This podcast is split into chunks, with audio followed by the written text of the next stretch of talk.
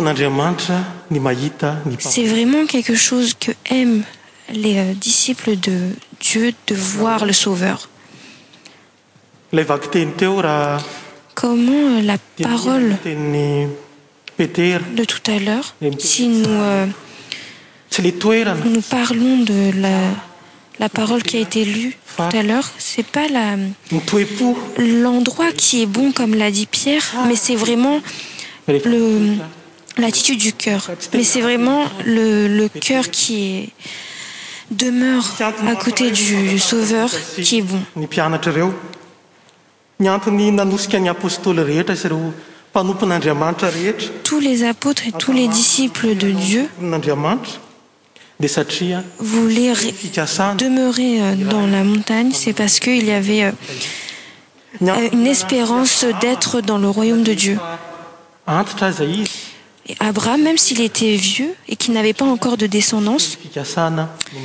il avait reçu une parole d'espérance qui venait de dieu e il avaittoutesles forces pour pouvoir accomplir Euh, otce que dieu lui avait itaaeoary mbola anasanatsika ndray androany et c'est encore une parole qui nous encourage euh, nous en tant que euh, disciple de dieu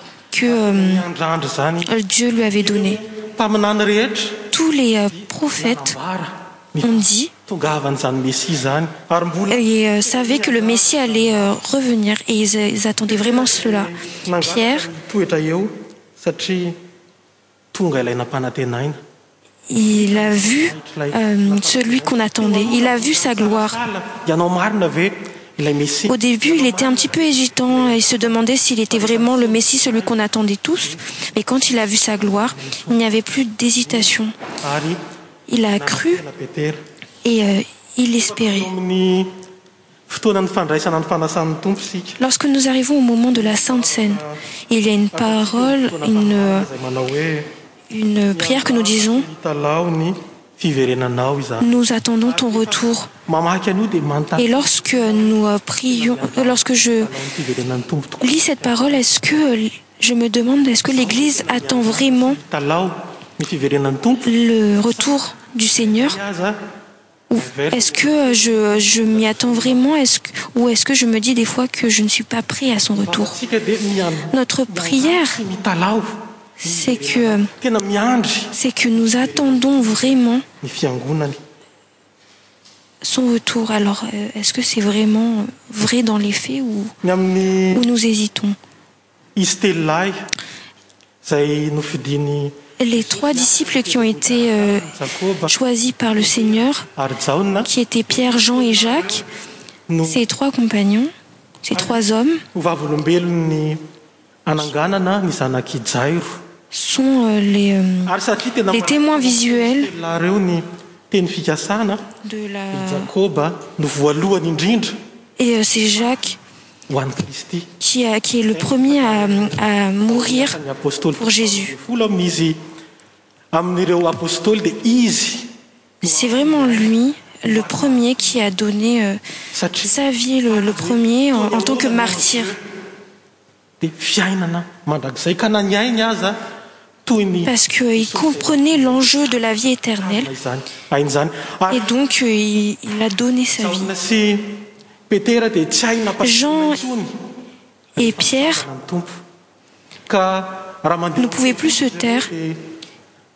et quand ils étaientau temple ils ont été menacés de ne plus prononcer le nom de jésus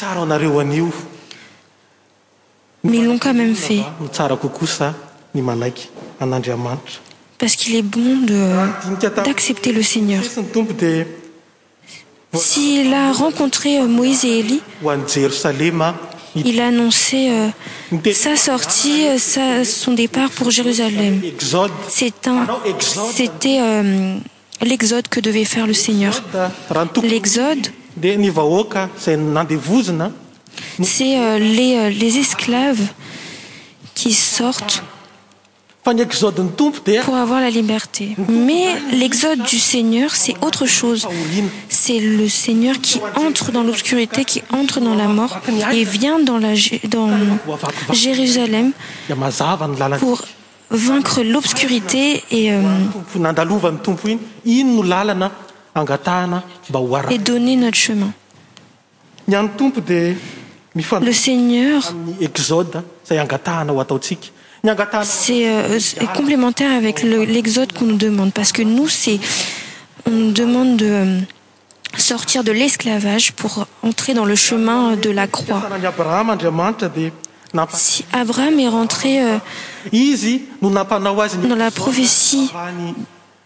de dieu ou tonga a amtétan a napanatenain tan cnan le seigneur l'a fait quitter deour de chaldéen pour lui donner ce pays en possessionc'es ne ot q'ilavait besoin de ae sortie qu'on a besoin de faire pour connaître le chemin que nous devons prendre est-ce que tu sais ah chers frères et sœurs tu connais ton chemin tu sais où est-ce qu'il faut aller tu dois t'orienter vers en ce moment du carêmec'est euh, un moment pour euh, remettre en question notre chemin le chemin de notre vieestce qu'il y a une exodeq'il y a à faire ah, une sortie à faire pour pouvoir euh, aller vers la vie éternelle que pierre avait demandéle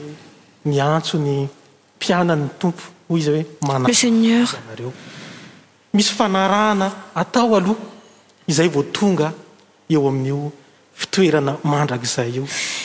ya une alliance à faire afin de pouvoir euh, ale su euh, ce ein le seigneur doit vraiment ovirao es èbres et c'est comme ça que nous pourrons alle sur ce chemin de la vieéterelle c'est un chemin avec le seigneur et comme il a été dit edans la bonne nouvelle c'est le chemin de la croixle chemin den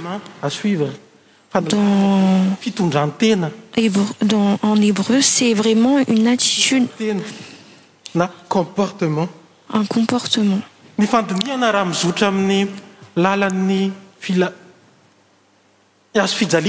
si nous pensons au chemin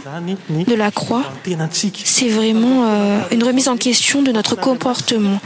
en ce moment de carême c'est vrimen un moment où nous devons euh,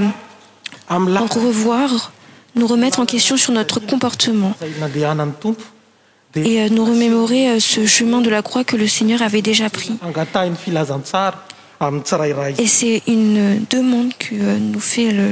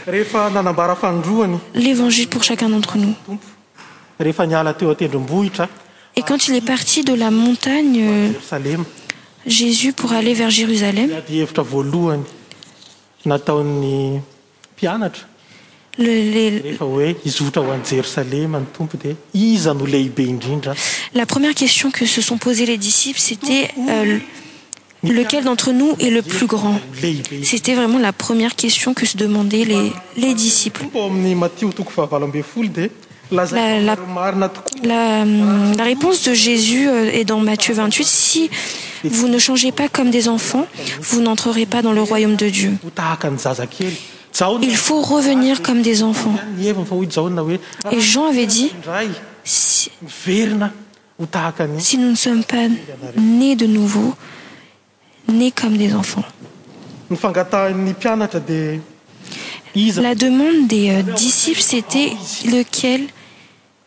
et le plus grandiippnaiequ'ils étaient déjà dans la vie éternelle mais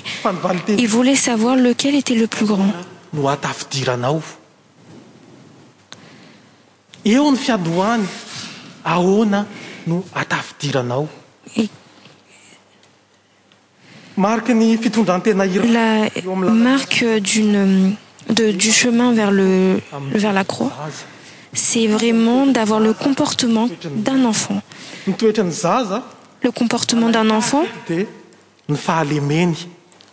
euh, enfants sontfaibles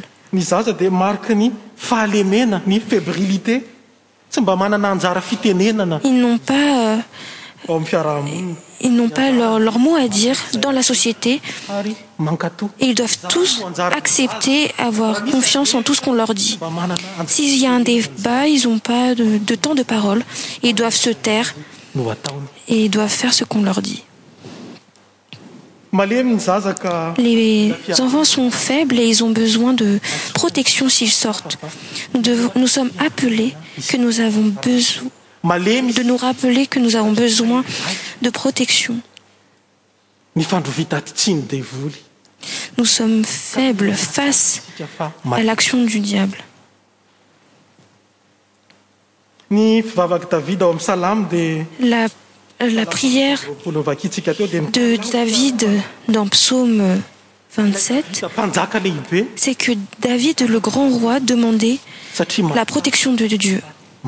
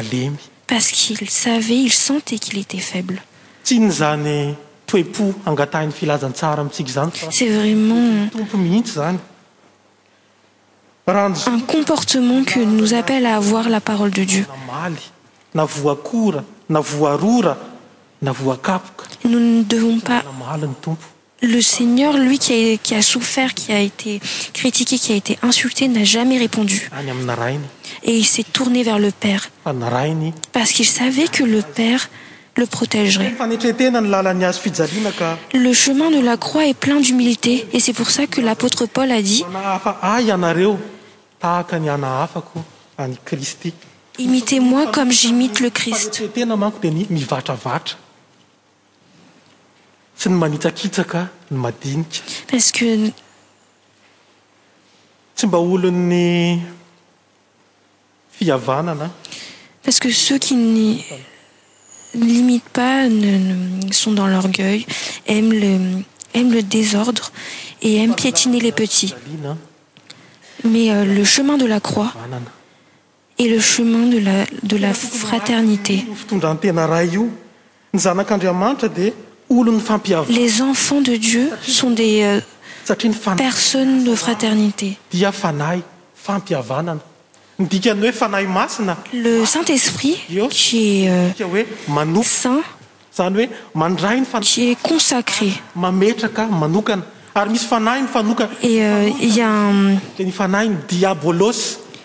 ya un esprit qui est face à ce saint esprit c'est l'esprit du diable ce diable qui euh, met le désordre euh,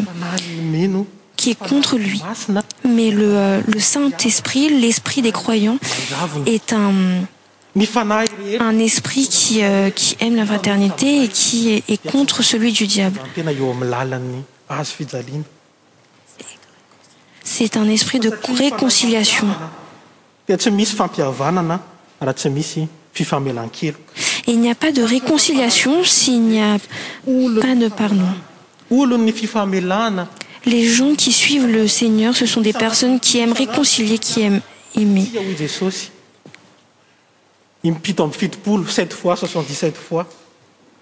combien de fois nous devons pardonner les autres le seigneur a dix c'est sept fois soixantedixsept foisle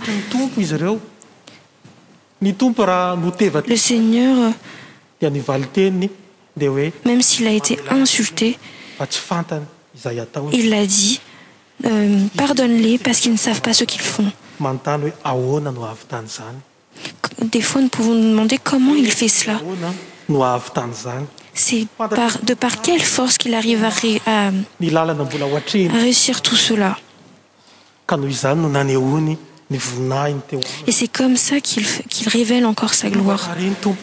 la fait la transfiguration pourque les disciples connaissent l'enjeu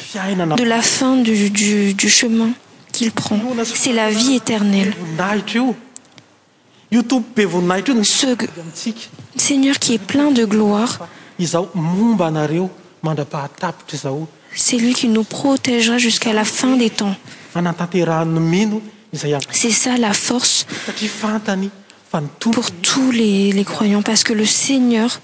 est avec euh, chaque croyant chaque jourle seigneur c'est ce seigneur qui nous euh, prendra lorsque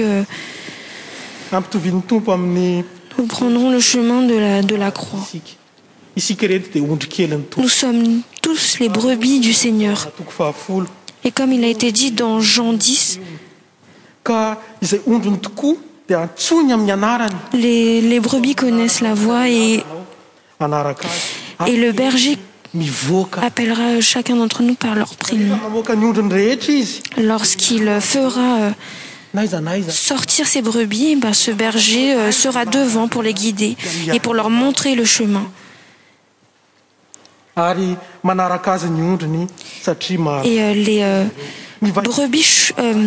sont derrière suivent le berger parce qu'ils connaissent sa voix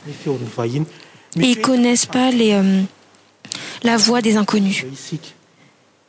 est-ce que nous écoutons le seigneur est-ce que nous savons nous reconnaissons la voix du seigneurparce que le chemin de la de la croix c'est vraiment une vie avec le seigneur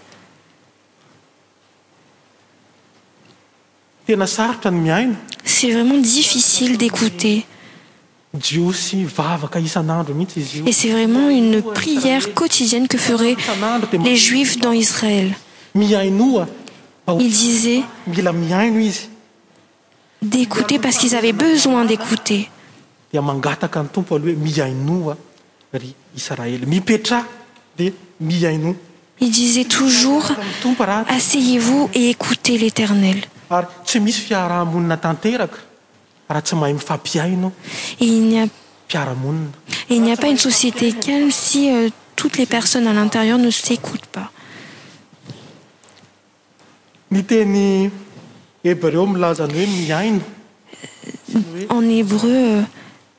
dit et avoir confiance c'est euh, e êee equand les euh, enfants d'israël priaient le seigneur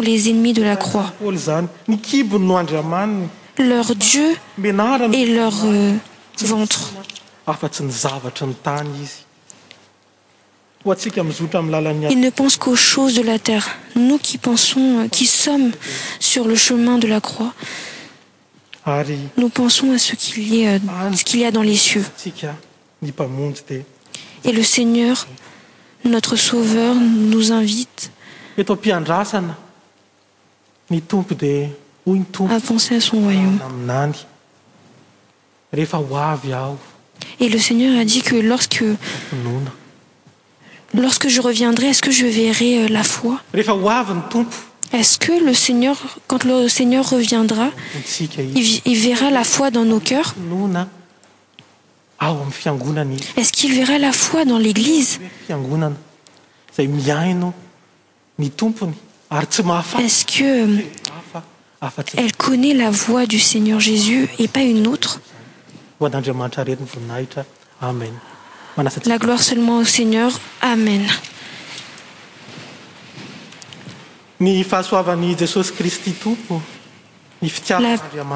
bonté du seigneur jésus et l'amour de dieu le père soit dans vos cœurs